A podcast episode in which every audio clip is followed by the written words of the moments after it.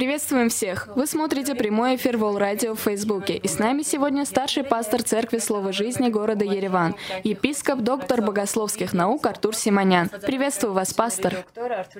Здравствуйте. Как вы? Слава Иисусу! Очень хорошо. Знаете, часто, когда зимой солнце, радуешься, потому что знаешь, что зима не солнечный сезон. И когда солнце выходит, ты счастлив. Даже летом так не радуешься и не ценишь солнце, но зимой ценишь. В жизни есть сезоны, когда на самом деле луч солнца приносит счастье. Поэтому в жизни иногда нужно радоваться, даже тогда, когда видим совсем немного солнца. Аминь. В наши дни много говорят о последних временах, и именно в эти дни, в текущее время, мало кто затрагивает эту тему. Мы решили поговорить с вами на тему «Сегодняшние времена» и хотим задать вам несколько вопросов. Какое название вы бы дали сегодняшним временам? Знаете, очень хорошие времена, и вы очень хорошо отметили, что много говорят о последнем времени, но не говорят о настоящем времени. Я бы дал такое название – время неопределенности. Потому что, по-моему, в наши дни неопределенности так много. Во всем неопределенность. Если посмотрим на политическую арену, будь то сверхдержава, как, например, Америка, Германия и так далее, существует такое понятие, как видение. Куда идут, что делают. Бывает даже, что в Соединенных Штатах, в такой сверхдержаве, как Соединенные Штаты, когда с людьми разговариваешь, они все равно в какой-то неопределенности неопределенности. В неопределенности по поводу политики, духовной сферы, в неопределенности о том, что после смерти. В эти дни во многих образованных странах неопределенность даже у школьников в вопросе, девочка ли он или мальчик. Это они тоже не решили. Когда мы перемещаемся в Армению, я, конечно, не считаю, что эта проблема здесь у нас есть. Но у нас есть неопределенность в политике, в духовной сфере, в семье. Среди армян 60% населения в неопределенности, останутся ли они в Армении или нет. А неопределенность — это одно из заболеваний последнего времени, потому что наш Бог, Он Бог определенности. Если ты ходишь с Ним, ты все знаешь. Например, Ной построил ковчег, да? Очень точно и конкретно Бог сказал, сколько квадратных метров должен быть ковчег, какая длина должна быть, какая ширина, и так Ной построил. Моисею Бог очень четко сказал, куда идти, что делать и как делать. Когда у тебя есть подтверждение, то есть ты в чем-то определен, ты можешь сделать гораздо больше, чем при неопределенности. Например, если я принимаю какое-либо решение, что я здесь не останусь, поеду в Соединенные Штаты или в какое-либо другое место, начинаются трудности.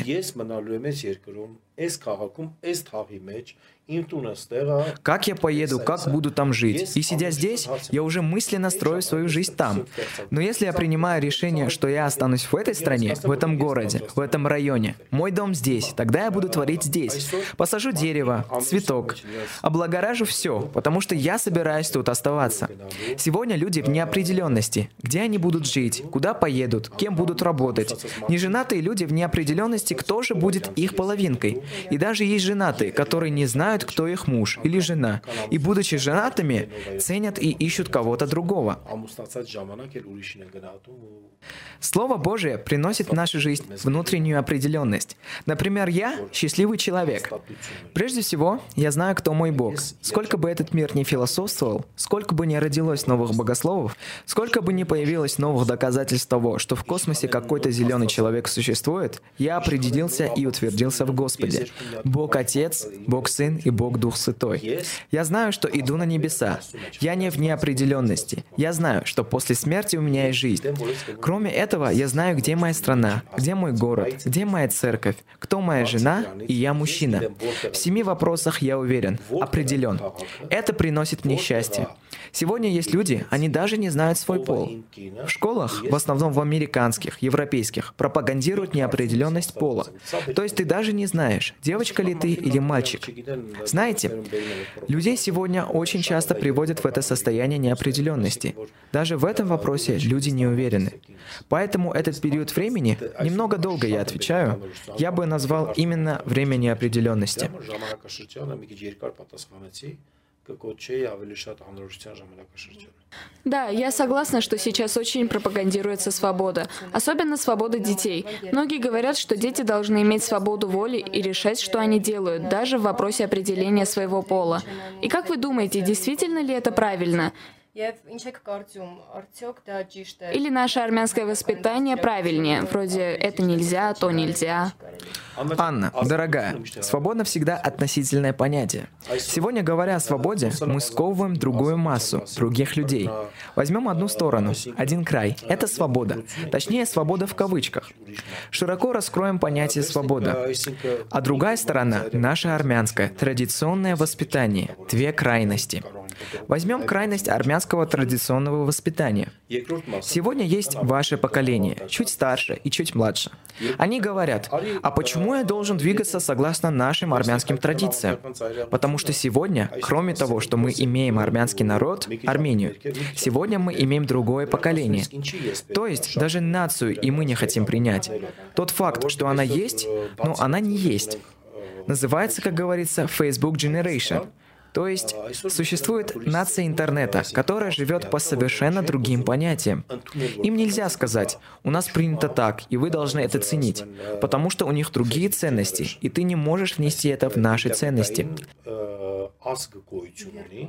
վիրտուալ ազգ գոյություն ունի, որ իրանք ապրում են լրիվ ուրիշ հասկացողությամբ, то же самое, если взять ту свободу, опять же есть вышедшие из семей, которые знают, что это не так, и то им не нравится. Поэтому сегодня не берем ни то, ни это, возьмем середину а именно то, что говорит Слово Божье. Разве Бог не создал человека по образу и подобию своему?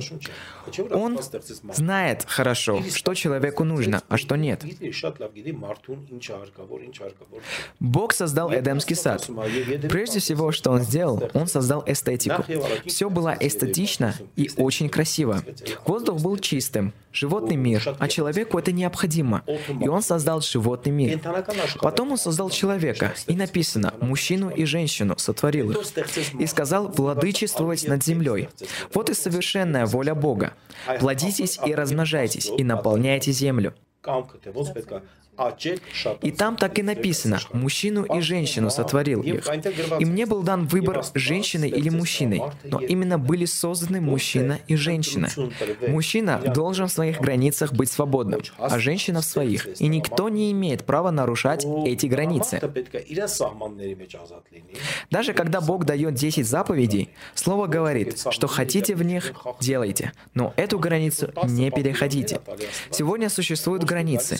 Существуют существует государственная граница, граница моральности, граница образования. Какая бы граница ни была, переходить ее плохо. Знаете, Бог приказал морю не переходить границу, и море границу не переходит. Но когда море переходит границу, миллионы людей погибают. Это называется цунами. Сегодня среди общества Существует цунами моральности. Границы перешли парни, границы перешли девушки, границы перешли мужчины и женщины. Глобально мужчины теряют мужественность. Приходит понятие среднего рода, по их моделям. Женщины же теряют женственность. Но сила женщины в женственности, а сила мужчины в мужественности. Каждый должен процветать в этом, и друг друга должны встретить настоящая девушка и настоящий парень. И тогда создается настоящая сильная семья. Благодарю за ответ. Например, сейчас есть церкви, которые благословляют однополые браки. Как на это смотрит церковь, Слово Божье и каково ваше мнение? К сожалению, есть такие церкви, но я рад, что в Армении нет. Хотя могут быть такие небольшие группы. Но я опять же рад, что не слышал пока о таком в Армении. Я считаю, что нарушением Слова Божьего и нарушением Божьей воли, что начало семьи, а семья не берет, начало в Европе европейских или американских законах. Начало семьи еще в книге «Бытия». Кстати, сегодня церкви, которые считают, что церкви должны благословлять, давайте понимать, что церковь была создана гораздо позже, чем семья. Когда существовала семья, не существовало никакой церкви. Церковь появилась на несколько тысячелетий позже. То есть следующее, что было сотворено после человека, это именно семья. Итак, Бог создал семью, и никто не должен нарушать это. Никакая церковь. Прежде всего, эта церковь не понимает, что такое благословение. Благословение — это не когда ты встаешь с кем-то около священника или перед священником, и на вас возлагают руки и благословляют. Благословление — это то, что также подтверждается с неба. Если мы верим, если благословляющий верит небесам, сверхъестественному Богу, он не может не верить, иначе это будет висеть в воздухе и не поднимется наверх. А благословение а благословление, которое не поднимается наверх, это просто пустота. Спасибо за ответ. Потому что Бог не нарушает написанные им законы и не переступает через них. Аминь. В наши дни также много пропагандируется свободные отношения, когда молодые пары до свадьбы имеют интимные отношения. Как на это смотрит Библия? Как на грех. М, ну да. Да, как на грех, потому что сегодня они руководствуются. Вообще существует понятие руководствоваться Библией. Существует понятие руководствоваться внутренней совестью. Существует понятие руководствоваться национальными традициями, национальной культурой. И существует понятие руководствоваться Голливудом. Ցավոք սրտի к сожалению, большинство молодежи руководствуется созданными киностудиями, фильмами, будь то американская, германская, японская, русская, но пропаганда киностудий. Когда смотришь в английском «He is just my boyfriend», «She is just my girlfriend», и в русском также. «Не мы женаты, просто живем вместе». Раньше это называлось порно, сейчас это называют гражданским браком. То есть, выдумывая какие-то синонимы, покрывают грех. Но Библия смотрит на действия. Бог смотрит на действия, а не на синонимы. Բայց ըստ Աստվածաշնչու, Աստվածաշունչը չի նայում հոմանիշներ, Աստվածաշունչը նայում է գործողությանը։ То же самое убил ребенка. Нехорошо, аборт. Придумали синоним, и все. Или же иду убивать отца или мать. Убийство, грех, что-то ужасное. Человек убивает своего родителя. Но назовем это эвтаназией, и все меняется. Придумывая синоним, мы просто покрываем грех. Но Бог смотрит на действие, а не на название.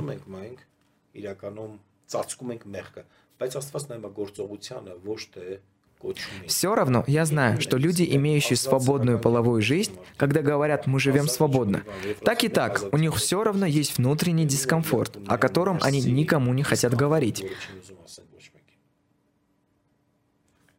Спасибо. И я также хотела бы знать, например, мы, будучи молодежью, которая верит в Бога, христианами, что мы должны делать в эти дни, чтобы быть осторожными и подготовленными к последним дням?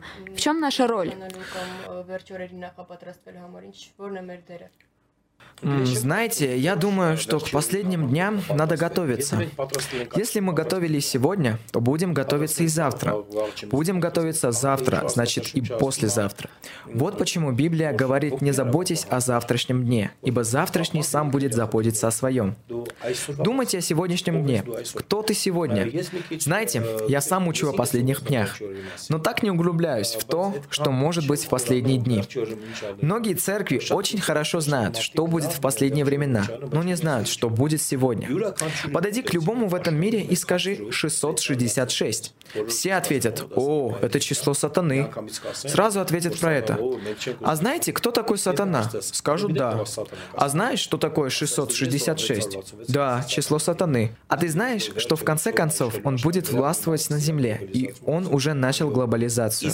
Скажут да. А что ты сегодня для этого делаешь? Ничего. Знаете, сегодня, ослепляя людей будущим, уничтожат настоящее.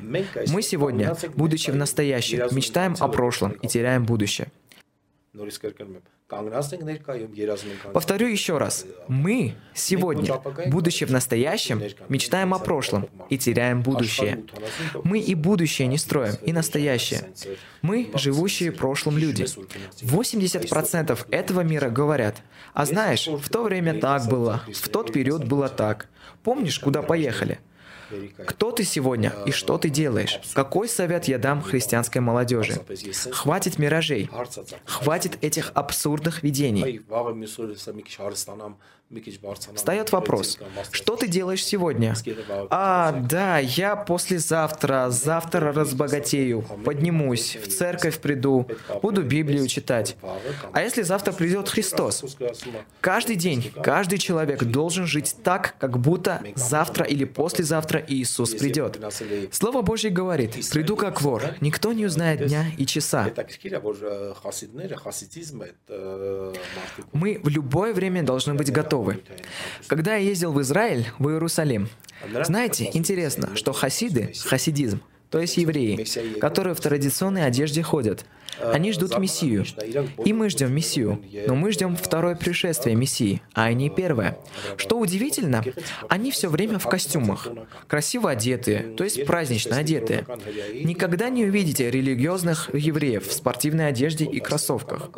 Может, увидишь в спортзале, но в городе, на улице, они всегда в тех же костюмах. Я задал одному вопрос. «А почему вы всегда в этой одежде?» Он ответил, «Мы в любой секунду ожидаем Мессию, и когда Он придет, мы должны быть празднично одеты». Я понял, что сегодня каждая личность в церкви должна быть празднично одета и должна ждать. И когда Иисус придет, они будут готовы Его встретить. Большое спасибо за ответы. Возлюбленные, наш сегодняшний выпуск подошел к концу. Нашим сегодняшним гостем был старший пастор Церкви Слова Жизни Артур Симонян, и мы говорили на тему «Сегодняшние времена». Ну что ж, я Анна, встретимся в следующий раз.